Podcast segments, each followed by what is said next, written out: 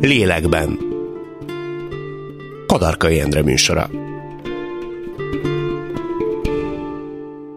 Köszöntöm Önöket újra itt a lélekben. Minden héten egy-egy pszichológiai jelenséget vagy betegséget járunk körül. Célunk, hogy az alapoktól közérthetően ismerjük meg azokat. A műsor első felében mindig egy a témában jártas szakember, tehát egy pszichológus vagy pszichiáter segítségével igyekszünk megismerni egy-egy jelenség lélektani hátterét és következményeit. A második részben pedig egy az adott témában érintett ismert, vagy civil vendég mesél a saját megéléseiről, tapasztalatairól. Ma az alkoholbetegség pszichológiai okait, hatásait igyekszünk megérteni. Mindenek előtt dr. Szemejács János, addiktológus, pszichoterapeuta, a Magyar Addiktológiai Társaság elnökének segítségével. Ő jön. Van-e különbség az alkohol beteg és az alkohol függő közt? Hát így talán nincsen, sőt, manapság inkább azt használjuk szívesebben, hogy alkoholbeteg. Inkább azt mondjuk, hogy, hogy, hogy, hogy problémás ivó, vagy problémás használó, és akkor nem biztos, hogy egy problémás használó az függő vagy beteg, de már jelentkeztek olyan problémák, ami, ami láttatja, hogy hát itt valamit kezdeni kell ezzel a helyzettel. Amikor valaki azt szoktam mondani, hogy az alkohol sok esetben egy tünete valaminek. Tünete annak, hogy nem tudom az indulataimat szabályozni, az érzelmeimet szabályozni, nem érzem magamat jól a bőrömbe, nem érzem jól magamat ebben a világban, és akkor erre válaszul megérkezik akár egy öngyógyító módon az alkohol, ami feletteti ezt, ami olyanná csinál engem, amilyenné szeretném. És akkor szoktam azt az analógiát mondani, hogy ott van a láz, vagy a, pszichiátri, a pszichi és a mentális betegségben a szorongás. Mondjuk azt, hogy vannak szorongásos korképek, kvázi, mintha a szorongás lenne betegség, azt talán kevésbé mondjuk, hogy lázbetegségben haláloztam el, bár mondjuk a láz oka lehetett az én halálomnak, ahogy az alkohol is, de a láznak a hátterében van egy gyulladás. És akkor itt ez a kérdés, hogy, a, hogy, hogy mit tekintek betegségnek a lázat, vagy a, vagy a mandulagyulladást. Ön szerint melyik a betegség? Egy lélektani betegségről beszélünk, aminek a kivetülése tulajdonképpen igen. valami fajta szerhasználat, vagy itt a szerhasználat maga a betegség? Igen, igen, a háttér az, ami úgymond a betegség, ami a zavar, ami a probléma, amin dolgozni kell, de ezt átfordíthatjuk olyan pragmatikus irányba is, amit egyébként például a 12 lépéses csoportok, az AA, az NA, a névtelen alkoholisták, a névtelen anyagosok csinálnak, hogy azt mondják, hogy hogy, hogy a háttérben egy masszív genetikai probléma, egy betegség áll, ez a betegség tudatú megközelítés. És ők azt mondják, hogy akkor van ez a megváltoztathatatlan állapot, ez gyakorlatilag ez itt van rajtam, én ezt megkaptam a szüleimtől, apámtól, ez, ez itt van, és ezt nem tudom megváltoztatni, de máshogy élni tudok. Te ön hisz ebben, hogy ez genetikailag meghatározott dolog? Van genetikai meg. Én azt mondom, hogy ennek a hátterében biopszichoszociokultúr spirituális okok állnak. Hát azért ezt nem mondta valami egyszerűen. Tehát, hogy ennyire összetett? Ennyire Genetikus, össze. pszichológiai, pszichoszociális, uh-huh. kapcsolati, kulturális, Mind gazdaság. kell hozzá, vagy az egyik nyomódik be? Nem kell mind hozzá, de tehát itt a genetikát kérdezte. Ennek a genetikája nem úgy van, hogy mondjuk a hatos kromoszómánk bal alsó lábában megtalálták az alkoholizmusnak a gényét, és akkor, ha azt onnan kihasítjuk, akkor nem lesz alkoholizmus, nem lesz alkohol probléma, hanem úgynevezett SNP-k, ezek a Single Nucleotide Polymorphism névre hallgató egyedi bázis pár eltérések vannak, hogy valahol van egy hiba az emberi genomba. És hogyha ennek a megjelenése a lakosságnak, hogy ott van egy eltérés, és ez megjelenik a felszínen is, és a lakosságnak legalább egy százalékát érintik, akkor azt mondják, hogy ez egy SNP. Ez egy ilyen egyszeri nukleotid páreltérés.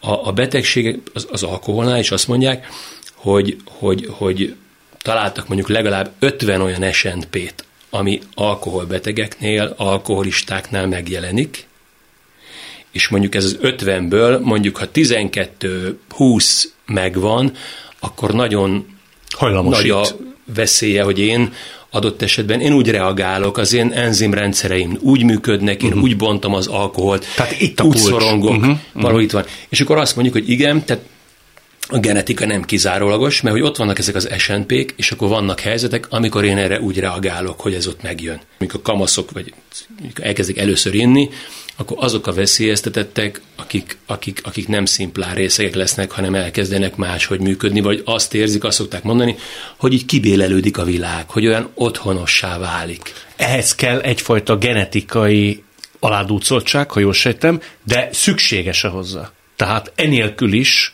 el tud-e jutni valaki ahhoz, környezeti hatások, szorongások, pszichológiai állapotok következményeként, hogy súlyos alkoholbeteg legyen. Noha a genetikai állománya nem hajlamosítana erre.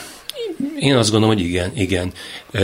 Volt egy zseniális kutató, amerikai kutató Cloningernek hívták, Cloninger több ezer iszákos, most így mondom, alkoholt súlyosan mértéktelen fogyasztó emberrel, ez egy következő szó, hogy még sokféleképpen jellemezhetjük ezt a problémát vagy betegséget, és három jellemző alapján vizsgálta meg a, a, a, ezeket az embereket, hogy mennyire fontos nekik a jutalom, mennyire akarják elkerülni a büntetést, és mennyire élménykeresők.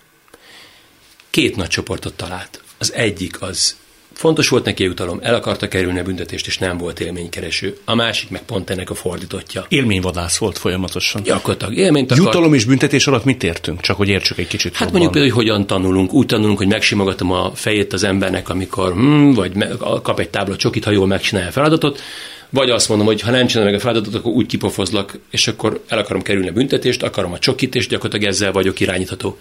Az a, az a csoport, akinek ez, aki élményt akart, azt mondta, hogy engem kicsit ez az ilyen pszichopata működés, hogy azt mondták most, hogy nem mondjuk a pszichopatát a személyiségzavarra, mert rengeteg fajta személyiségzavar van, de a klasszikus pszichopatára, ami most inkább mondom már egy ilyen pejoratív jelző, az azt mondtuk, hogy nem szeret, nem tanul, nincs lelkiismeret furdalása. Tehát pont ez. Nem, ne, ne, nem tudom irányítani. Ő majd megmondja, hogy mit akar, öntörvényű, megy előre, jól akarja magát érezni, önző, tesz mindenkire. Tehát, hogy tehát, és a Cloninger elnevezte az egyszerűség kedvé egyes meg kettes típusnak, és az egyes, és akkor itt jön, hogy, hogy, hogy mi volt a jellemző, az egyes típusra, tehát aki, aki jutalom, büntetés fontos volt, aki nem volt annyira élménykereső, ők általában 20 éves korok után kezdtek el inni, a férfi-női arány az kicsit kiegyenlítettebb volt, tehát abban sok nő is beletartozott.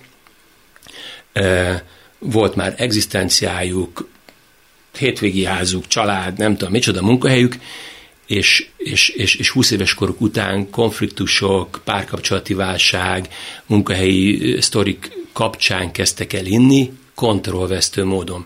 Tehát ők gyakorlatilag belekerültek egy kátyúba, amire nem volt jó megoldási készség, nem voltak, nem voltak megfelelő coping, megküzdési mechanizmusaik, nem tudták magukat megvédeni helyzetekben. Erre szolgál az alkohol. Erre szolgált az alkohol. És ezek az embereknél azt mondjuk, hogy itt a genetikai háttérnek kisebb a jelentősége. Ez egy pszichoszociális sztori, ez egy ilyen kulturális, hogy mi a legegyszerűbb, leveszem a pálinkás üveget a boltba, elmeg a közértbe, és leiszom otthon magamat, mert a főnökön bunkó volt, mert a párom félre fél, mert a nem tudom, és gyakorlatilag ez a dolog így működik. Én azt gondolom, az NA-val ellentétben, aki ugye az AA-val ellentétben névtelen alkoholisták, akik azt mondják, hogy ez egy gyógyíthatatlan, progrediáló és családi betegség, én azt gondolom, hogy az ilyen pszichoszociális ügyekben elakadt embereknél tulajdonképpen meg lehet őket gyógyítani, hiszen hogyha métem az önismeretét, lesznek eszközei, hogy a felszínen maradjon, egy olyan közeg utölti a szabadidejét. Tehát a lelkileg rendbe teszi magát, kiiktatódhat az alkohol, mint lehetséges Igen. válasz. És, a csak esetben... teszem, és most csak zárjába teszem hozzá, hogy nyilván, ha valaki eljut erre a szintre, hogy ez így működik neki, akkor nyilván felvetődik az, hogy akar-e inni és akkor az van, hogy most akkor is mire igyak? Így, így egy, egy pohár bort, mert az finom. Jó, na mondjuk ez a maximum. De hogy önmagában annak már ott nincs értem, hogy azért iszok, mert ezek, ele, ellen, ezek elő a dolgok elő menekülök. Így van. A kettes típusnál Cloninger azt találtam, az ömében pasik voltak, 20 éves koruk előtt kezdtek el inni, az apjuk szinte kivétel nélkül alkoholbeteg volt, alkoholista volt, és nem kontrollvesztő módon ittak. Tehát ők voltak azok az úgynevezett szintívók, akiknek tulajdonképpen ahhoz, hogy, hogy a, a, az indulataikat szabályozzák, a, a, a, a szürke mindennapjaikat, a, az érzelmeiket, hogy soha se érintse meg őket véletlenül se semmi, ehhez tulajdonképpen kellett nekik egy folyamatos alkoholszint. Azt mondta a hogy nekik a genetika az, ami igazán van a háttérben, és akkor itt jön, itt jön a kezelhetőség, hogy mondhatjuk azt, hogy igen, lehet pragmatikusabban kezelni, és azt mondjuk, hogy na, akkor itt húzunk egy vonat, innentől fogva ne így áll, és nézzük meg, hogy jönnek olyan problémák, amit dolgozni kell. Úgy is kérdezhetném a doktor urat, hogy ön el tud képzelni olyan embert, akinek nagyjából egészében rendben van az élete, önértékelése oké, okay, tulajdonképpen meg is oldja egymaga a problémáit, látszólag egy nagyon kiegyensúlyozott ember, és lehet, hogy a mögé nézünk még akkor is, mégis komoly alkoholfogyasztó. Magyarul egyszerűen kell mindig valami fajta megakadás, befejezetlenség, megoldandó trauma. Igen. Én nagyon szeretem Máté Gábornak az írásait, de nem gondolom, hogy a trauma egyébként ennyire kizárólagos. Az unalom is azt gondolom, hogy, hogy belevélti az embert. Én, én például nem nem vagyok alkoholista, és nem, nem, nem dohányzok, de mondjuk szoktam úgy cigarettázni, meg inni is, hogy ilyen baráti körben iszok cigarettázok, mert hogy azon izé, fesztiválokon, és akkor és akkor mindig mondták a barátaim, hogy így fogsz rászokni, és most már nem messze vagyok a 60-tól, és még mindig nem szoktam rá, de vannak azok a helyzetek, amikor barátokkal ott leülünk, és, és idogálunk, és amíg van, most egyre, egyre kevesebb már az a barátom, aki cigarettázik, a maradék az már ájkoszív, meg elcigített, az a szégyenért, hogy elmentem egy fesztivál, és kellett vennem egy doboz cigarettát, mert én füstölni akartam. Mi lesz a világból? Mi lesz a világból, ugye? És hogy, és hogy, hogy ö, ö, tulajdonképpen ez mondjuk az, tehát ha, ha csak egy kicsit jobban rálennék mondjuk genetikailag állítva arra, hogy én tudnék rászokni a dohányzásra, akkor ha mondjuk itt sokat vagyok dohányosok között, és valamennyire mégiscsak elkezd jól esni a cigaretta, vagy egy kicsit a, a nikotin mint serkentő függőségre elkezdek rászokni, akkor azt gondolom, hogy pusztán unalom űző dologként is rászokhatok valamire. Szóval... És akkor itt nincs semmi átélbe, csak egyszerűen unatkozókat jutsunk rá. De eljuthat ez a típus unaloműzés céljából indulva odáig, hogy súlyos alkoholbetegséget diagnosztizálnak hát nála, vagy tudja, hogy mi a határ? Hát eljuthat, és főleg mondjuk azokkal a szerekkel lehet eljutni odáig, amelyek fizikai függőséget is kiváltanak. Ezek a a receptorok és a neurotranszmitterek nagyon bonyolult az agy, de valahol, hogy hogyan, hogyan emlékezzünk, hogyan kapunk élményeket, az agynak milyen területeiről kap a jutalomközpont úgynevezett asszociációkat.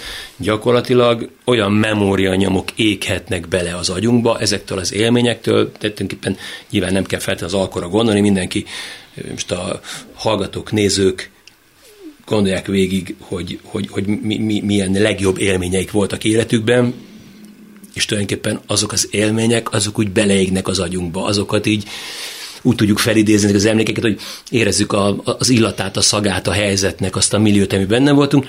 Most tulajdonképpen a, a, a, a, a szerhasználat na, nagyon érdekes, mert hogy a, mert hogy amikor valamilyen kémiai szert használok, akár az alkoholt, vagy drogokat, vagy bármit, akkor kívülről viszek be nagy mennyiségű olyan anyagot, amely tulajdonképpen így lecsap a jutalomközpontról, beleégeti magát, az ilyen normál élményeknél meg azért mégiscsak saját anyagból kell legyártani ezt a dolgot. Na most én a Máté Gáborral egyetértek abban, hogy nyilván nagyon sok embernél a trauma, az attól való menekülés, az arra minél több földet lapátolunk, és csak egy kicsit így azt látom, hogy az ott megmozdul és ki akar mászni, akkor még több földet lapátolok rá a föld, mondjuk például az alkohol, de mint ahogy mondtam, vannak olyan emberek, akik, akik, akik más ok miatt csúsznak bele ebbe a dologba. Még talán 30 évvel ezelőtt volt a Vámos Miklósnak egy műsora, amiben színészeket és írókat és egyebeket hívott meg, és volt egy ilyen műsor, ahol egyszerre hívta meg a Sebestyén Mártát és a Csetamást. És akkor az volt, hogy akkor ki mit csinál szabad idejévé, és akkor, és akkor Sebestyén Márta mondta, hogy hát én, mit tudom én, házat festek, kegyeret dagasztok, hímzek, kosarat fonok, nem tudom, micsoda. Cseh Tamás ült egy kicsit és mondta, hogy hát én szorongok. És hogy, tehát azt gondolom, hogy igen, vannak szorong emberek, és akkor itt is mehetünk abba az irányba, hogy nyilván a központi idegrendszerünk, ami nagyon sok mindenért felelős, azt mondjuk, hogy genetikailag vannak szorongó emberek. Van, aki úgy születik, hogy úgy áll össze neki a neurotranszmitter rendszere, úgy állnak össze az enzimek, hogy ő szorong. Ő neki a kortizol szintje, a mellékves által termelt kortizol, a stresszhormon, az alap, alapból magasabb. Ő sokkal érzékenyebben reagál a dolgokra. Fúj a szél, úristen, meg fog fázni. Meg még a gyerekem is megfázik, és szorongok. Tehát azt gondolom, hogy, hogy, hogy, hogy ebben így körülnézzünk, akkor, akkor különbözőek vagyunk. És egy ilyen szorongó ember Láss Tamás megtalálja az alkoholt, akkor nyilván ő neki az egy ilyen gyógyszerként is működik. Szoktam mondani, hogy a legszebb ilyen, leg, leg szemléletesebb példát az egy, az egy örkény egyperces a diszkrepanciáról, amikor jó napot, jó napot, hogy van, köszönöm jól. És mi az, amit maga után húz? Ja, azok a beleim. Hm. Tehát, hogy megtalálni ennek az embernek az életében, az életútjában, ott, ahol most tart, olyan ellentmondásokat, ami azt mondja, hogy köszi minden rendben, és kiderül, hogy nem, nincsenek rendben a dolgok, semmi nincsen rendben. És akkor ezeket én gyűjtögetem, és azt gondolom, hogy ezt, ez, ez, ez, ezt, ezt nem lehet egyből a arcába nyomni, akkor általában sok ember megijed elmegy, vagy azt mondja, hogy általában maga ennyire okos, hogy mindent tud rólam, biztos jobban tud, akkor feküdjön be helyettem. Tehát én azt gondolom, hogy ezt ilyen nagyon-nagyon finoman kell adagolni, a belátásnak a elérése, az egy, az egy türelem munka. Tehát, hogyha leültem a kliensnek a haját, és azt mondom, hogy izé, most akkor izé egy, egy ajadék vagy, és lásd be, hogy ez egy... Tehát van, ilyen, aki erre esküszik. Van, aki erre kollégái között is, de... Hát a kollégáim között nincs olyan ember, aki... aki a szoktársai anno, közt, akkor inkább aki, azt mondanám. Igen, aki annó pszichiáter szakvizsgát tett, de nem pszichiáterként dolgozik, olyan van, aki erre esküszik, de ez tulajdonképpen ez nem, ez, ez nem egy működő modell. Van olyan ember, aki megijed, de az általában nem szokott tartós lenni nagyon, hát nyilván mindenki tud olyan példát az életébe, hogy mit tudom én, lát egy balesetet, és talán még három napig is betartja a közlekedési szabályokat. Aztán ez így nyom nélkül szárad. Ha már említette ezt a diszkrepanciát, és ezt az ellentmondást, vagy ezt a feszültséget, ami benne van, az szerintem egy nagyon fontos dolog, hogy ő nem tud róla, hogy ez megvan az életében, vagy tudja, de sokkal egyszerűbb mindezt elfelhőzni mindenféle szerekkel, és beszélünk az alkoholról, például alkohollal. Hát gyak, én azt gondolom, hogy sokszor tud, és ezért is gondolom azt, hogy nem én fogom felnyitni erre a szemét, valahogy, valahogy arra tudom, arra tudok neki belátást találni, hogy ez így valójában nem éri meg. Tehát, hogy tulajdonképpen ezt mérlegre tesszük, akkor, akkor nem éri meg. Van, aki azt mondja, hogy ő, ne, ő úgy nem akar élni, hogy enélkül. És van ilyen ember, akit nem tudunk kiszedni, és halára issza magát. Vagy inkább nem akar szembesülni azzal, amit ön Így van oda tesz elé, kedves barátom, te ezzel nem akarsz szembesülni, hogy ezt nem akarod megoldani, és úgy Igen. gondolja, hogy inkább ennek a megoldatlanságával él együtt, az alkohol segítségével, sem, mint hogy ezt feldolgozza. Igen. Ezért kell nagyon-nagyon óvatosan, én amikor a terápiát tanult, a, hát így a szakmai fejlődésem során, akkor a családterápiás képzésemet azt Székely Ronánál Amerikából jött Ilus egy, egy, egy, egy, egy bő évtizedre vissza Amerikából, és apáca volt, és kint Amerikában tanulta a családterápia nagyjaitól a, a családterápiát, és ő tanított bennünket, és akkor ő mondta, hogy a terápia elrontásának, sikertelen terápiának az egyik legjobb módja az, hogyha én terapeutaként sikerre törekszem, és a klienssel valami eredményt el akarok érni, és én már látom, hogy mi a probléma, és ezt egyből mondom is neki. Tehát az nagyon-nagyon óvatosan, nagyon finoman kell közölni. Neki kell rájönnie? Tulajdonképpen az az igazi? Hát az az igazi rájön, sőt, én azt gondolom, hogy minden esetben neki kell rájönni. Én azt tudom én azt tudom csinálni, hogy, hogy mit tudom én, van ez a újságokban, hogy találjuk meg a labirintusba az odavezető utat. Tehát én abban tudom segíteni, hogy lerövidíthetjük az az utat, amíg ő eltalál oda. De ő mondja ki. De én nem tudom ő kapja elvezetni. el azt a kilincset. Így, így van, én nem tudom oda elvezetni. Ha éppen jobbra akar menni, és tudom, hogy az egy zsákutcába vezet, akkor abban tudok kicsit neki segíteni, hogy akkor ne arra menjünk, hanem ha én látom, hogy hol van a kijárat, akkor abba az irányba vigyem. De ezt neki kell megtalálni. Voltak éppen, ha mondjuk egy nagy és komoly alkoholbetegről beszélünk, aki azóta már abstinens, eltelt 5-10 év, Tudunk ilyen emberekről, hála Istennek, rengeteg ilyen emberről. Ö, kimondható az, hogy ő ezen közben megoldotta életének az eladdig felkiáltójelként ott tornyosuló problémáját? Tehát itt tekinthetünk rá? Nézze, van, van, van ez a békességi ma, amit elmondanak minden önsegítő csoport végén, ez az uram, majd lelki békét annak elfogadására, amin változtatni nem tudok, erőt, hogy változtassak, amin tudok, és bölcsességet, hogy meg tudjam különböztetni a kettőt. Tehát, hogy ez azt jelenti, hogy nem tudok minden problémát megoldani, de azt el tudom fogadni.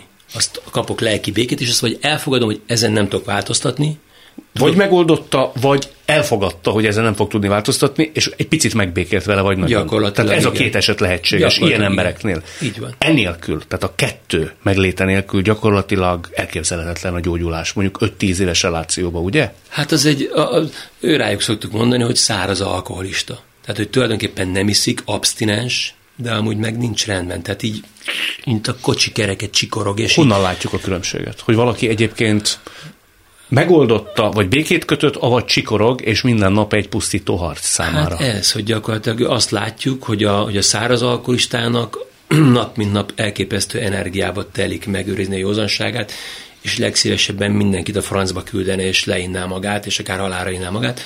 A józan az meg azt mondja, úristen, de fantasztikus, hogy nem kell innom, és, nem, és már ki, nem, nem, nem vagyok abban, és egy, és egy kerek élete van. Mert megérkezett a harmónia. Mert megérkezett egy olyan állapot. Ön azt mondja, hogy nincs reménytelen helyzet és ember. Tehát, hogyha valaki állhatatos, akkor sikere van itt élve, kis túlzással, de hogy sikere lesz. Gyakorlatilag igen, tehát hogyha valakit ledob a ló és újra fölmászik, tehát előbb-utóbb az a ló betörik. Tehát... Nagyon tetszett az egyik korábbi mondata, amit kigyűjtöttünk, és legyen ez az áró gondolat. Azt mondta, hogy a függőség ellen egyet, egyetlen gyógyszer van, az értelmes, tartalmas és fejlődőképes élet. Igen. Tehát, hogy ez Nagyon a kulcs. szép. Ilyeneket, ilyeneket, Ilyeneket tudok mondani. Igen, tehát azt mondom, amikor ilyen kérdezik, hogy mi, mi, mi, mi a legjobb ellenszer, szoktam mondani, önismeret, és aztán tudjunk magunkról többet, és valóban, tehát fejlődni kell. Úgyhogy, úgyhogy amikor emberek nagyon varázsolják el magukat, ütik szét magukat nap mint nap alkohollal, és akkor szoktam őket kérdezni, hogy figyelj, az nem érdekel, hogy ez a világ így józanul egyébként milyen? Nem mondom, azt se tudod, hogy, hogy, hogy mi minden van, hogy ebben az életkorban, amiben most te vagy, mi mindent tartogat számodra a világ. Ez miért nem érdekel? Miért, miért kell elbújni egy, egy rókajukba, és ott gyakorlatilag önteni tele magadat ezzel a lével? Szóval, hogy, hogy így, hogy így valahol az emberbe fel tudom-e kelteni az érdeklődést egy olyan élet iránt, ami, ami azt gondolom, hogy tényleg így fejlődőképes, sokszínű, élvezetes, valahogy ez a jó irány. Nagyon szépen köszönöm, hogy itt volt. Köszönöm szépen.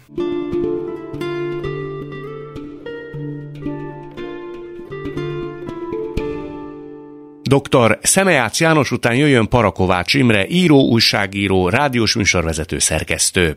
Találkozhattunk vele vagy írásaival a Tilos Rádióban, a Magyar Narancsban, a Népszabadságban, a Magyar Hírlapban, a Hócipőben, a Sportévében vagy a Heti Hetesben. 2012. júliusától a Klubrádió műsorvezetője, az ötös hétfői adásait vezeti. Több szakaszban is meggyűlt a baj az alkohollal, egy 7 éves száraz periódus után ismét visszaesett. Azt mondja, fél liter töményital és meg annyi sör volt a napi adagja. Jövőre lesz tíz éve, hogy megszabadult a függőségétől. Négy és fél éves voltál, amikor a szüleid elváltak. Ja, igen. Te az anyukáddal maradtál. Uh-huh, pontosan. Ez azt jelenti, hogy apukáddal megszűnt a kapcsolat? Ilyen kert csütörtöki gyerek voltam. Tehát én akkor jártam át apámhoz egy egészen e, furcsa helyzetben laktunk, egy nagy bérházban, két lépcsőházban laktak az egyikben a apám szülei, és az apám, másikban anyám szülei, és én és az anyám, és én csak át, átsétáltam kell csütörtökön. Nem mondanám, hogy szoros, szoros kapcsolat alakult ki ezen a látogatások alatt köztünk. Ez az ő hibája volt, vagy te zárkóztál el? Nem, abszolút az ő hibája volt, ezt utólag meg is beszéltük. Nem tudott mit kezdeni ezzel a helyzettel. A nagyszülők voltak, az ő apja meg az ő anyja foglalkozott velem, velük volt a kapcsolat, velük hülyeskedtünk, velük csináltunk mindent, ugye egy öt éves gyerek, hát ez ugye még elég ilyen kis izé, buci jó, és hogy ők, ők vállalták ezt tulajdonképpen, és az apám úgy jelen volt, de igazából mindig csak úgy fél, félig lógott be a képbe. Mindes, de nem nőtt föl a feladathoz, pánikba esett, e, a úristen, egy gyerek, a felelősség, az egész jaj segítség, és hogy nem egyszerűen tudott mit kezdeni ezzel a helyzettel. Amikor már felnőtt lettél, akkor te próbáltál valamelyest is közeledni felé? Igen, tehát abban a szerencsébe volt részem, hogy egyszer úgy döntöttem, hogy ez így nem mehet tovább, tehát hogy akkor én ugye már elköltöztem 180 kilométerrel, arrébb laktam, és hát úgy nem nagyon találkoztunk, és akkor mondta, hogy nagyon be elég, és akkor elmentem hozzá egyszer, becsöngettem így minden előzetes figyelmeztetés nélkül, hogy na hello, itt vagyok. És akkor ott volt ugye a húgom, féltestvérem, meg ő, és akkor így jó, tehát így rendeztük, és akkor volt még pár találkozásunk, és így megtudtuk, és nagyon nagy szerencsém volt, mert hogy ő viszonylag fiatalon, ugye 60 évesen meghalt, és hogy pont még, még előtte ezeket így valahogy így rendbe tudtuk hozni. Anyám soha többet nem ment férhez, sőt nem is költözött hozzánk senki, tehát nem, nem itt nem, nem jelentkezett be ilyen apaképszerűség nekem. Te bármilyen összefüggést a között, hogy szorongtál, hogy az alkoholhoz nyúltál, a gyerekkorban történteknek Vagy e között bármilyen kapcsolatot felfedezte? E, nem tudom, én nagyon, nagyon, nagyon, nagyon egyszerű lenne, nem? Hogy elvált szülők gyereke vagyok, ezért iszom. Tehát ilyen túl könnyen adnék felmentést magamnak. Nem tudom, igazából érdekelt ez az egész dolog. Tehát én inkább azt gondolom, biztos hajlamosító tényezők voltak. Voltak genetikai hajlamosító tényezők, voltak ilyen epigenetikai, szociológiai, minden volt, de ez az én döntésem volt szerintem. Apukád ilyen Bonviván volt szintén? Tehát úgy szerette az italt? Ja, ja, ja, ja, ja, igen. Ez furcsa volt, mert amikor itt találkoztunk, akkor ő 58-50, pont annyi idős volt, mint én, Jézusom. Ha. Amikor igen, tehát amikor megkerestem, akkor pont annyi idős volt, mint én, és akkor ő abba hagyta a piálásnál ő is. Keményen és már nem volt. Annyira szerintem nem, mint én. Tehát a emlékeim alapján, meg az elbeszélések alapján, hát egy piál társaság volt, ment a haverokkal, berúgtak, akkor viszont keményen, hajnalva haza, de nem ilyen ipari ivó volt. Amikor te megkerested őt, az még az ivós korszakod volt, vagy már utána? Akkor még igen. De én nekem egészen pontosan azért fontos, hogy nekem két megszakításom volt. Én egyszer hét évre leálltam, és utána visszaestem, és aztán utána jött az a végleges, vagy hát most általam véglegesnek tartott leállás, aminek most is így részese vagyok, és ez a, de ez a piálós korszak volt, tehát ez, a, ez egy szolidabb piálós korszak volt. De csak oda akartam jutni, beszélünk majd ezekről a korszakokról, hogy mi indukálta? Egy álmos csütörtök reggel azt mondtad magadban, hogy megkeresem és tisztázni akarom? Mit tudom én, 20 évvel ezelőtt így rájöttem, hogy sosem mondtam azt az anyámnak, hogy szeretlek, és aztán rájöttem, hogy ez milyen furcsa, hogy az anyám megöregedett, és esetleg meg fog halni, és úgy fog meghalni, hogy én nem mondtam neki, hogy szeretlek, és utána minden alkalommal, amikor telefonon beszéltünk, vagy bármikor találkoztunk, akkor mindig megmondtam neki, hogy szeretlek. És eleinte teljesen meglepődött, és aztán egy rohadt örült, és láttam, hogy ez így működik, és hogy tényleg hatása van, és akkor gondoltam, hogy ez, ezt ki kéne próbálni az apámmal. Neki is mondtad? Aha, kipróbáltam, és hogy hú, jó, ezt itt ki kell mondani a szüleinknek. Nem, szóval valami rossz, hogy, mert hogy találkoztam a környezetemben olyannal, akinek így meghalta valamelyik szülő, és nem. És azt mondta, úristen, sosem mondtam neki, hogy szeretlek. És ez annyira így be, be, ettől a dologtól, hogy ez ne legyen így. Ja. Apukát hogy reagált, mikor mondta? Hú, hát teljesen izén, tehát ilyen, igazából zavarba jött, de ezt nem mutatta, mert ő is olyan volt, mint én, hogy egy férfi sosem jön zavarba, egy férfi sosem siet, egy férfi sosem ford olyan lábbelit, amiben látszik a lábfeje a városban, stb. Szóval, hogy, de hogy azért, ja, hogy jól esett neki, és úgy láttam, hogy azért így izé. De azt mondod, hogy te is olyan voltál, mint apukád, nevezetesen, hogy az érzéseid nehezebben mutatott ki, van egy ilyen nagyon szikár, férfi képed, nevezetesen, hogy gyengének nem mutatjuk magunkat, nem gyengülünk ja. el. Ez szerinted mintakövetés, vagy egész egyszerűen ez egy védekezési mechanizmus? Védekezel. Mind a kettő nyilván. Nincsenek emlékeim. De védekezésnek nagyon jó. Mi ellen kellett neked? Hát elméletileg minden ellen. Tehát, hogy a, tehát úgy, úgy néz ki, hogy vagyunk, vagy van az én, és van a minden más.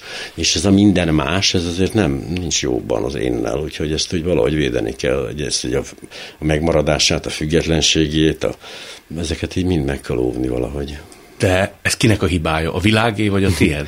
ja, nem, nem, hát a világé nyilván. Ha bármit akar, tehát hogyha furcsa módon nem akarsz semmit, és hogy igazából úgy nincs dolgod, akkor semmi konfliktusod nincs a világa. Ahogy akarsz valamit, bármerre indulnál, akkor vagy ellenállást tapasztalsz, vagy azon a széken már ülnek, vagy szóval ott, ott már óhatatlanul koccanások lesznek, és akkor azért jó. Mert hogy azt mondtad egyszer, hogy az is okozhatott bizonytalanságot, hogy bekerültél a budapesti értelmiségi közegbe, és nem feltétlen érezted magad integráltnak. Magyarul, hogy nem fogadtak be annyira.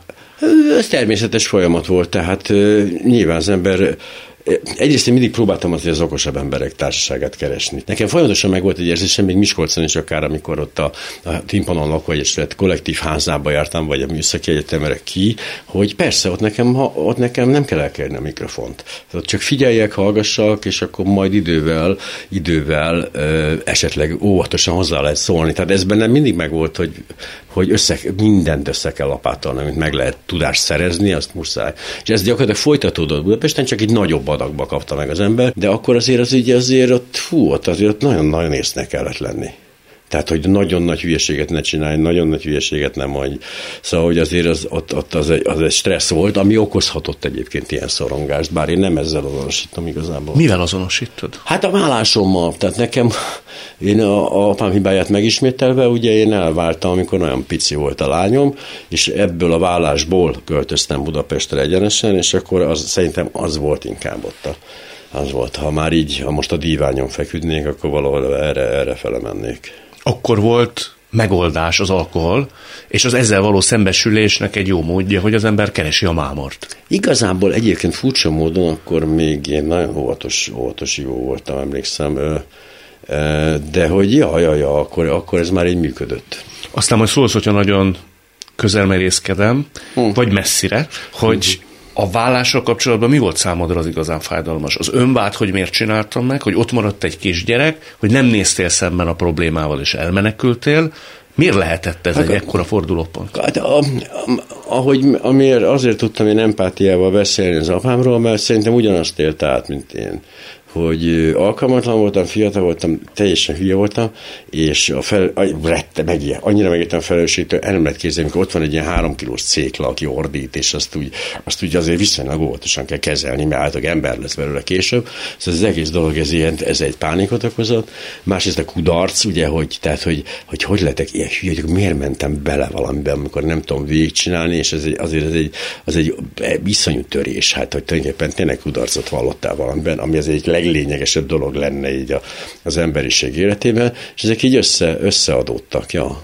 De te eladdig úgy gondoltál rá, hogy tanulva édesapád példájából te majd egy tisztes családapa leszel? Nem merült fel bennem ez a, ez a lehetőség. Automatikusan azt gondoltam, hogy ja, az így működni fog. És, így, és, és amikor elmenekültem ebből a szituációval, akkor pedig azt gondoltam, hogy talán túl maradtam fel. Hogy tovább kellett próbálni, többet kellett bírni, sokkal izébbnek kellett volna alkalmazkodni, bla, bla, bla. Tehát ez önvád azért jött ilyenkor folyamatosan. Azért próbáltam itt a keretkezés történetet mm-hmm megácsolni, mert hogy az előtted megszólaló szakember azt mondta, hogy aki iszik már, mint hogy úgy rendesen, uh-huh. annak valami bizonyosan nincs rendbetéve az életébe. Tehát, hogy valami elcsúszás egész hát biztos, hogy kell, hogy legyen, és erre próbáltam választ találni, hogy vajon mi lehetett az, ami végül is oda vezetett, hogy te tulajdonképpen hány évig, hogy tartod ezt számon, itt áll, de úgy keményen. Ugye nekem az volt a szerencsém, hogy viszonylag későn kezdtem el inni, tehát én 24-25 éves koromban kezdtem el piálni, akkor volt egy nagyon nagy menetem, tehát akkor egy szépen lassan építkező alkoholista karriert építettem föl, mert ugye hát az elején ászút. Hát ahogy ezt a drága Csernus doktorunk megmondta, hát az eleje bármilyen tudatmódosítóval, hát nincs is annál szebb. A lemenő nap fényébe kibontott hajjal, a tavaszi szélben megyünk a virágos mezőn, hát az valami csoda. És hogy azért a pokol az ilyen nagyon lassan kezd ráépülni, vagy kinyílni az ajtaja. Tehát az egy ilyen, igazából az egy jó, azt mondja, hogy mikor számoljuk, mondjuk egy ilyen 80-as évek vége, rendszerváltás 89, aztán eljött 99, és akkor én olyan 2001-ig tartott. Tehát egy ilyen tizenéves, tizenvalahány éves periódus volt. Te ez társasági vászat, vagy amikor már otthon is iszik az ember? Főleg, ez főleg társasági vászat volt. Tehát ez ilyen bulizé volt, de már, már fölmerült az igény arra, hogy azért vésztartalékot otthon is tartsak ilyen elindulás előtt, meg, meg hogy ez, a, meg ez az erőtmerítés dolog menjen, ez a, na, indulunk, akkor még ugye pálikás jó reggelt. Ahhoz Tehát, kellett erőt meríteni, hogy elinduljunk? E, igen, a, a, ennek már volt egy olyan, volt egy olyan kifutása, hisz másnaposak voltunk, akkor nagyon nehéz elindulni. Jó, hogy ahhoz, tehát az utántöltés. ja. Úgyhogy ez működött, igen. Már akkoriban, de mondom, akkor még nem volt, nem volt ilyen vállalhatatlan borzalom, de akkor is már meg, egy kicsit megijedtem, úgyhogy leálltam 2001-ben. Mitől ijedtél meg? Hát nem tudom, igazából ugye azt gondolja az ember, egyébként rengeteg én találkoztam, ez a én nem fogok rászokni a heroinra, mert én nagyon okos vagyok és én nem leszek alkoholista, hát én nagyon okos vagyok, hát hogy látom, ezek rászoktak, de hát azért, mert hülyék, ugye. És amikor így rájön az ember, hogy az, az agya tehát semmit nem véd meg. Tehát, hogy igazából tök mindegy. Tehát ez nem, nem így válogat a dolog, hogy a buta emberek alkoholisták lesznek az okosak, ne? Akkor hirtelen rájön, hogy ja, ez, ez, amiről olvastam, ezek azok a tünetek, ez az az egész történet. Úristen, egy ilyen rohadt mintát követek, egy ilyen sablonon vagyok. És ettől úgy meg lehet ijedni, hogy na nem. Volt is konkrét kép, ami belevésődött az emlékezetedbe? Tehát amikor körbenéz az ember, bármilyen szituációban van én mm-hmm. is mhm. előhívható, hogy a rohadt életbe én most hogy keveredtem ide? Most baj van. Van is ilyen, ami ilyen nagy felkiáltó hogy ne, hogy ne, hogy ne, hogy ne, hogy ne. De, de meg egy konkrét szituáció volt, ez a reggel, otthoni reggel, otthoni reggeli rutin, amikor azt, azt látom, hogy ö, oda van készítve egy kétdecis unikum reggel, amit én egy húzóra ittam meg, hogy így az volt a reggelim, és elinduljak. És amikor ez ebből én rettet, ilyen, így szertartás lett, akkor hát ez, na ez valami nagyon nem az, amit én akartam. De azt úgy ittad, hogy le kellett azért gyűrnöd az ellenérzésed, tehát kellett az energetizáláshoz, vagy egész egyszerűen ez mámor teljes volt, és szinte sóvá nem, nem, nem, ha, ez halál ellen volt. Tehát ez az ellen volt, Értem. hogy egyetlen így fölvegye, egyetlen embernek, ember, ember legyek. Ennek már voltak fizikai jelei is? Há, hogyne, abszolút. Tehát kézremegés? Hát ez a, ez a klasszikus volt. Tényleg azt hittem, hogy tényleg egy vicc, azt hittem, hogy valami tényleg ilyen csablecsacsi, vagy valami másik magyar film betéte. Én tényleg ittam meg, volt olyan az első felesemet, sose felejtem az Eldorádó sörözőben, a Népszínház utcában, hogy megfogtam, ráfogtam a sállal a feles pohárra, a nyakam fölött átvezettem, és így hátulról fölhúztam így a számhoz, megittam, és vissza, annyira remegett a kezem, hogy nem tudtam fölvenni ezért a poharat. Azért remeg ilyenkor az ember keze, mert elvonási tünetek jelentkeznek? Nyilván együtt, igen, ezek a Ezeket te restelted? Tehát azt például, hogyha látták volna ott ebben a sörözőben, hogy neked remeg a kezed, az kielőtt lett volna ciki? Át, általában az alkoholisták alkoholistákkal vannak együtt. Tehát ezekben a szituációkban nem ciki, mert sorstársainkkal iszunk együtt. Sőt, ugye, és ez, egy, ez a legnagyobb hibája ugye ennek a felépítménynek, hogy a, hogy a társadalom az egy ilyen rendkívül együttérző, abszolút fú, lojális, szeretet, a, így áll csak, így, vagy, így áll már, hát a, csak az a tiéd, amit megiszol, egészen a pillanatig, amíg nem mondod azt, hogy alkoholbeteg vagyok is, akkor úristen, ez alkoholista. És akkor elfordulnak az embertől, miközben vele ittak végig. Tőled elfordultak? De nem, nem volt rá esély, mert én nem mentem vissza azokba a szituációkba. Tehát én azt csináltam, és most, most a legutóbbi leállásra gondolok, hogy amikor én abba hagytam az ivást, akkor az óhatatlanul a baráti kör jelentős része hú, elveszett. Ez a 14-es végső leállás. Ez a 14-es végső leállás volt, amikor nem nem mentem azokra a helyekre, nem találkoztam azokkal az emberekkel, tehát akkor így bizony az egy, az egy új élet. De ott tartunk, hogy 2001-ben te megijedsz, és azt mondod, hogy elég. Akkor ja. leálltál 7 évre, ugye? Igen. Ez alatt voltak vállások, voltak barátok, eltemetés, szóval minden volt. Már hogy te még egyszer megnősültél? Ö, még egyszer? Vagy ez a 2000-es, mert hogy azt mondtad, hogy Pestre jött. Négyszer? Igen. Jó, hogy te négyszer nősültél, négyszer váltál? Igen. Na de ezek se rendítettek meg, és sose estem vissza nősülés vagy vállás miatt. Nem? Nem, mert nem volt benne rutinom a végén. De nem is ez a lényeg, hanem az, hogy, hogy nem. Tehát ezeket, ó, ezeket nagyon tudatosan védtem ki. Tehát tényleg meghalt egy barátom, és akkor volt, és ezeket tudtam, hogy na most lenne az a pont, ahol valaki más visszaesne, de én, hát én nem fogok. És ezt hogy lehet kivédeni? Hát ezt, ezt viszont csak úgy, hogy, ne, hogy nem. Tehát, hogy iszonyú tudatosan. Hát nem iszol. Az alatt a hét év alatt te egy... Nem, nem, nem. Az ott egy kocsma. Konyak megyet se, ahogy mondani Nem, szokták. nem, hát ezek a, ha, ha, ezek a nagy csapdák, igen. A, a majdnem alkoholmentes sörök, a konyak megy, a sósborszersz, ja, ezek az ilyen ja, csapdák. Mert olyankor mi történik, hogyha tényleg egy majdnem alkoholmentes sört iszik az ember? Először az, hogy azt mondja, hogy ez a majdnem alkoholmentes sör, ez tulajdonképpen tök jó, az nem is alkohol, és akkor berendel egy ládát, elszopogatja. És, de, de, a vége ugyanaz? Na, hát mindig, mindig ugyanaz a vége. Ebben az az aljasság, hogy lehetsz bármilyen okos, lehet bármilyen felkészült, a vége az. Lehet, hogy teljesen nagy a kérdés, de amikor a hét évet telt, akkor a lelkeméjén, vagy a lelked mélyén te tudtad azt, hogy jöhet még egy olyan nagy határkő, amikor elbizonytalanodsz, Szóval lesz még nekem ezzel dolgom, hogy abban a biztos tudatban érted ezt a hét évet, hogy kész, én örök időkre letettem. Ja nem, nem, sajnos tudtam. Tudtam? Igen, tudtam, tudtam, közben tudtam. Te honnan? Egyrészt szakirodalom, tehát tudtam, hogy progresszív betegsége vagyok a büszke tulajdonosa, és hogy ez nem úgy van, hogy akkor ja, elmúlt az alkoholizmus, és mostantól én az leszek, aki egy pohár bort megiszik vacsora után, Ebben egészen pontosan tiszta voltam, abban reménykedtem, ez minden jobban kitolódik, tehát nem, nem fog nagyon gyorsan bekövetkezni, hanem talán van egy kis laufom, amíg, amíg így, így majdnem józan vagyok. Elmeséled, hogy mit térített vissza? Minek kellett történni? Az italra? Igen. Jaj, ez nagyon aranyos volt. Volt egy, hát mit ad Isten, megnősültem. És, tőle egy szokatlan módon. Tőle szokatlan módon negyed, negyedszer megnősültem, és egy nagyon kedves, csodálatos, naív lány volt a felségem, aki ezt az egész dolgot nem értette. És akkor én ugye már nem ittam, mit tudom, előttem öt évig. És akkor de látta, hogy nem iszom, de mondta, nem is, nem is érti ezt, hogy miért nem iszom. Miért nem iszom meg egy pohár bort? És én két éven át ezt mondtam neki, figyelj, nem, szerintem nem jó ötlet itt, de bízzál bennem, bízzál bennem, én tudom, hogy nem, de, és hogy ne hülyeskedj, mert és én tök aranyos volt, de mondta, hogy figyelj, nincs de így áll meg egy pohár bort, és jó, figyelj, jó, megiszom.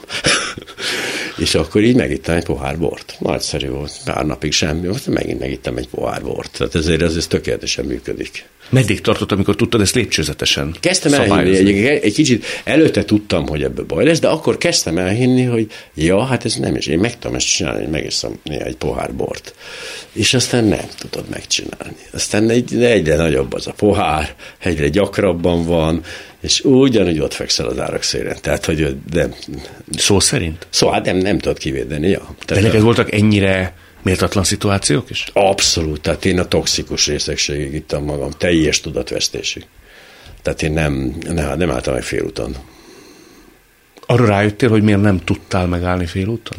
Nem, igazából nem. Amíg felbírtam emelni a karomat, én addig ittam mindig. Ki előtt resteli aztán másnap az ember? Ő maga előtt, vagy a másik önmaga előtt? előtt? Elsősorban önmaga előtt. Tehát igazából ez, ezen a szinten már nem számít senki. Tehát amikor az ember e- e- ebbe a, ebbe a, ebbe a mélységbe eljut, akkor tök mindegy. Bárki, senki nem számít, csak, csak saját maga.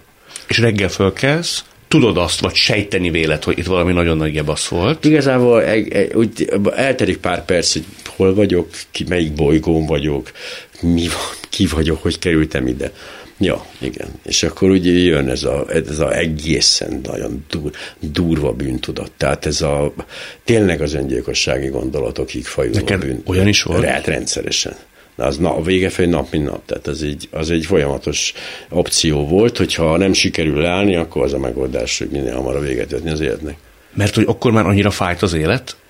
Ezt borzasztó nehéz tartottam, beszéltem fiataloknak erről a történetről, és láttam a szemükbe azt, ami az én szemembe látszott volna, ha nekem beszél valaki ebben a korban, hogy mi, miről beszél. Tehát ez tök hülye.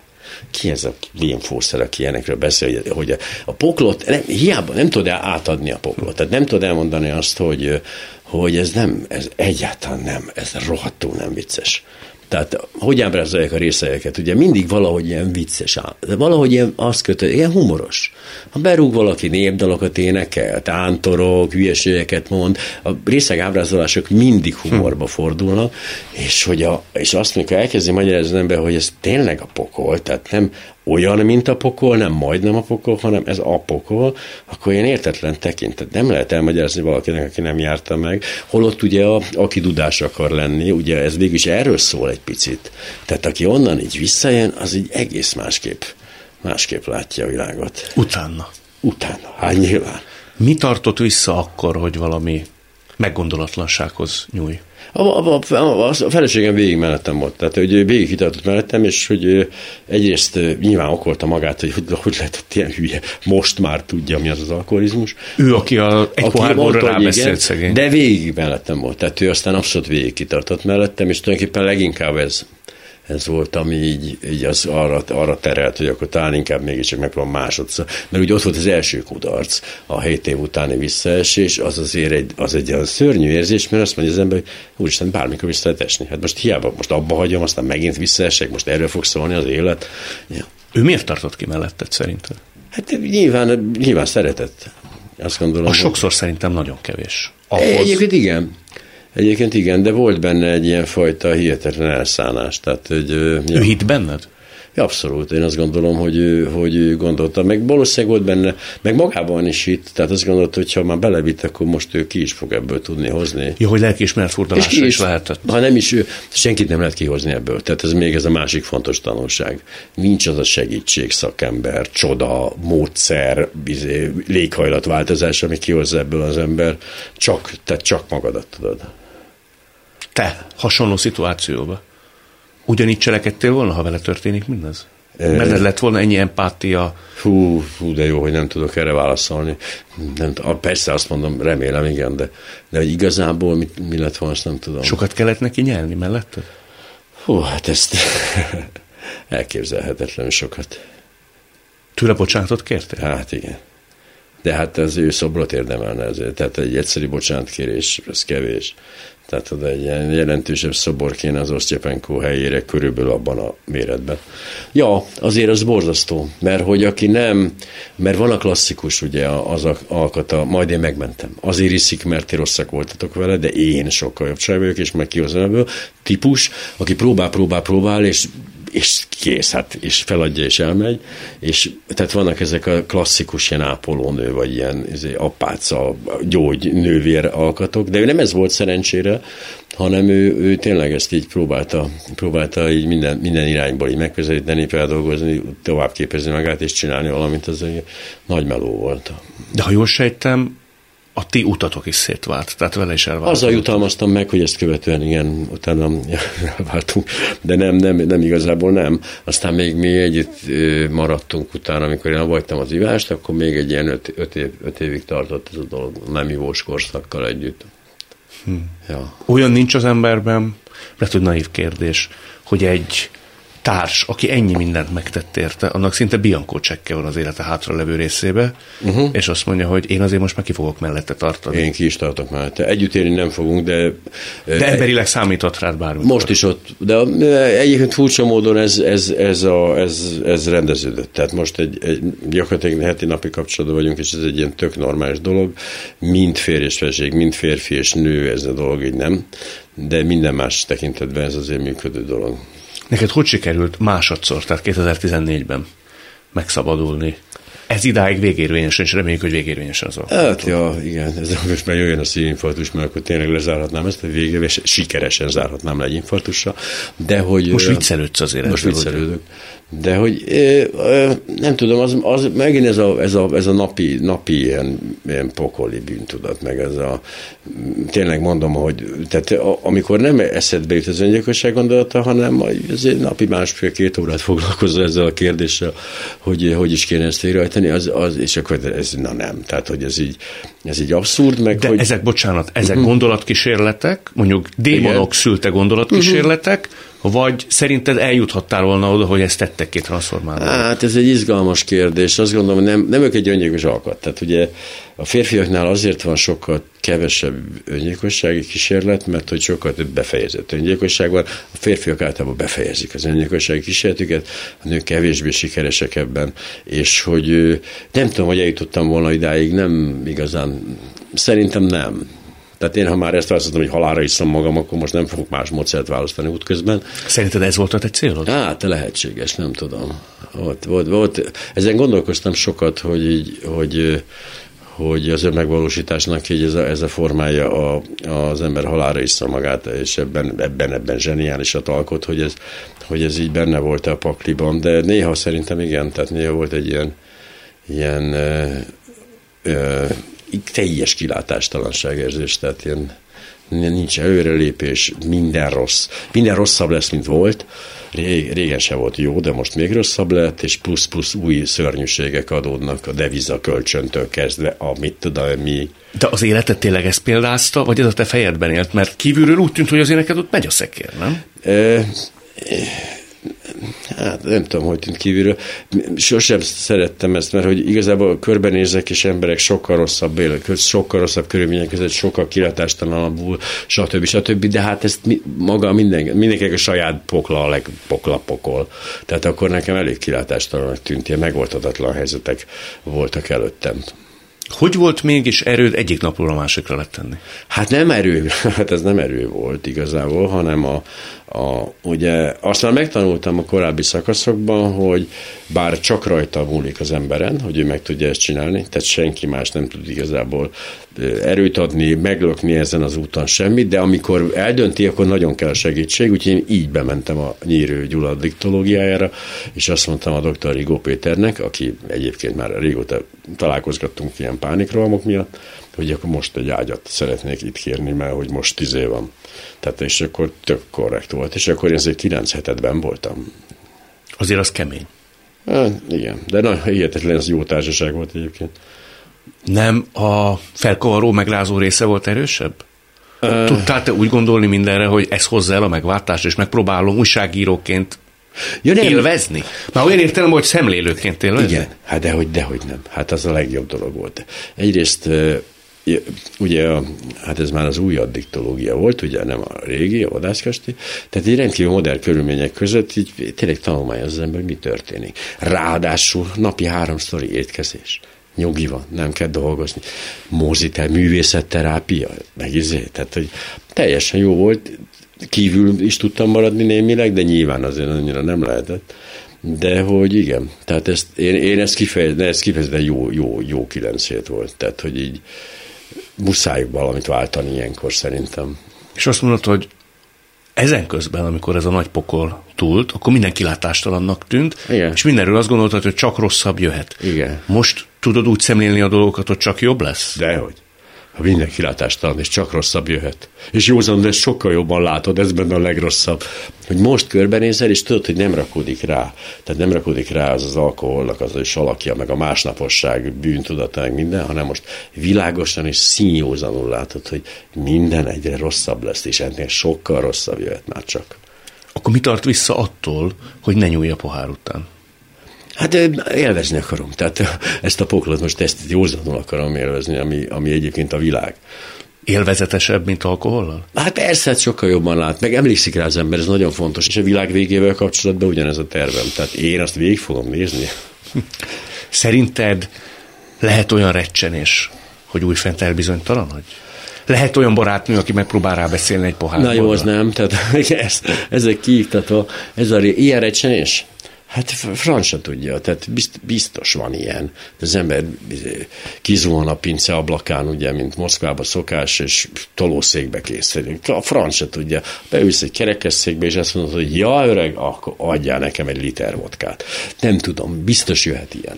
De egyelőre nem, nem érzem a hiányát. Még egyet árulj el nekem. Mondtad, hogy négy kísérleted volt. Igen. Mind a négy Homában négy- kísérlet lett. Ugyan már, nagyon Nem? Ez Minden négy házasságom nagyon jól sikerült. Igen? Persze, csodálatos van. Még az egyikre nem emlékszem, de a három, amire emlékszem, az jól sikerült. Csak oda akartam kikötni, hogy lesz-e ötödik kísérlet. Ez, hát nem tudom, tehát azt mondta, még előttem az élet, ugye hát egyrészt fiatal vagyok, másrészt még keresem az igazit, tehát simán, simán bekövetkezhet. Beleugranál egy ötödik házasságba? Ú, de jó kérdés, aha, jó, de jó, hogy nem, de jó, hogy nem egy csaj teszi föl, hogy nem tudom, lehet, hogy leszek olyan hülye, tehát simán, simán elképzelem magamról, hogy Hülyének kell lenni hozzá, Hát vagy azért, egész hogy egyszerűen tanulni a négyből, és Hogy akkor ne. az ember tudja, hogy ötötször már nem követi el azt a hibát. Nem, hülyének, nagyon hülyének. Ötször, ötször és nagyon hülyének kell lenni. Nem is tudom, hogy szerintem az már valami központi engedély kell a, a tanácstól, vagy de nem, az nagyon hülyének kell lenni hozzá. De en- ennek ellenére abszolút lehetséges. Mit kívánjak, legyen ötödik, vagy hogy ne? Hát figyelj, az egy biztos, hogy ha lesz, akkor ott leszel az első sorban. Csak hogy ezt a beszélgetést le tudjuk folytatni, hogy na most mit gondolok erről. Áll az alku. Nagyon Köszönöm. szívesen ott lennék. Köszönöm szépen. Köszönöm szépen. Ez volt a mai Lélekben dr. Szemejács Jánossal és Parakovács Imrével. A műsort nem csak hallgathatják, de végig is nézhetik. Iménti beszélgetésünk hamarosan már látható lesz YouTube csatornámon is. A mai adás létrejöttében köszönöm Lehocki Miriam, Rózsehegyi Gábor és Lantos Dániel segítségét. Találkozzunk holnap egy órától itt, a Klubrádióban. Viszont hallásra! Lélekben Kadarkai Endre műsora.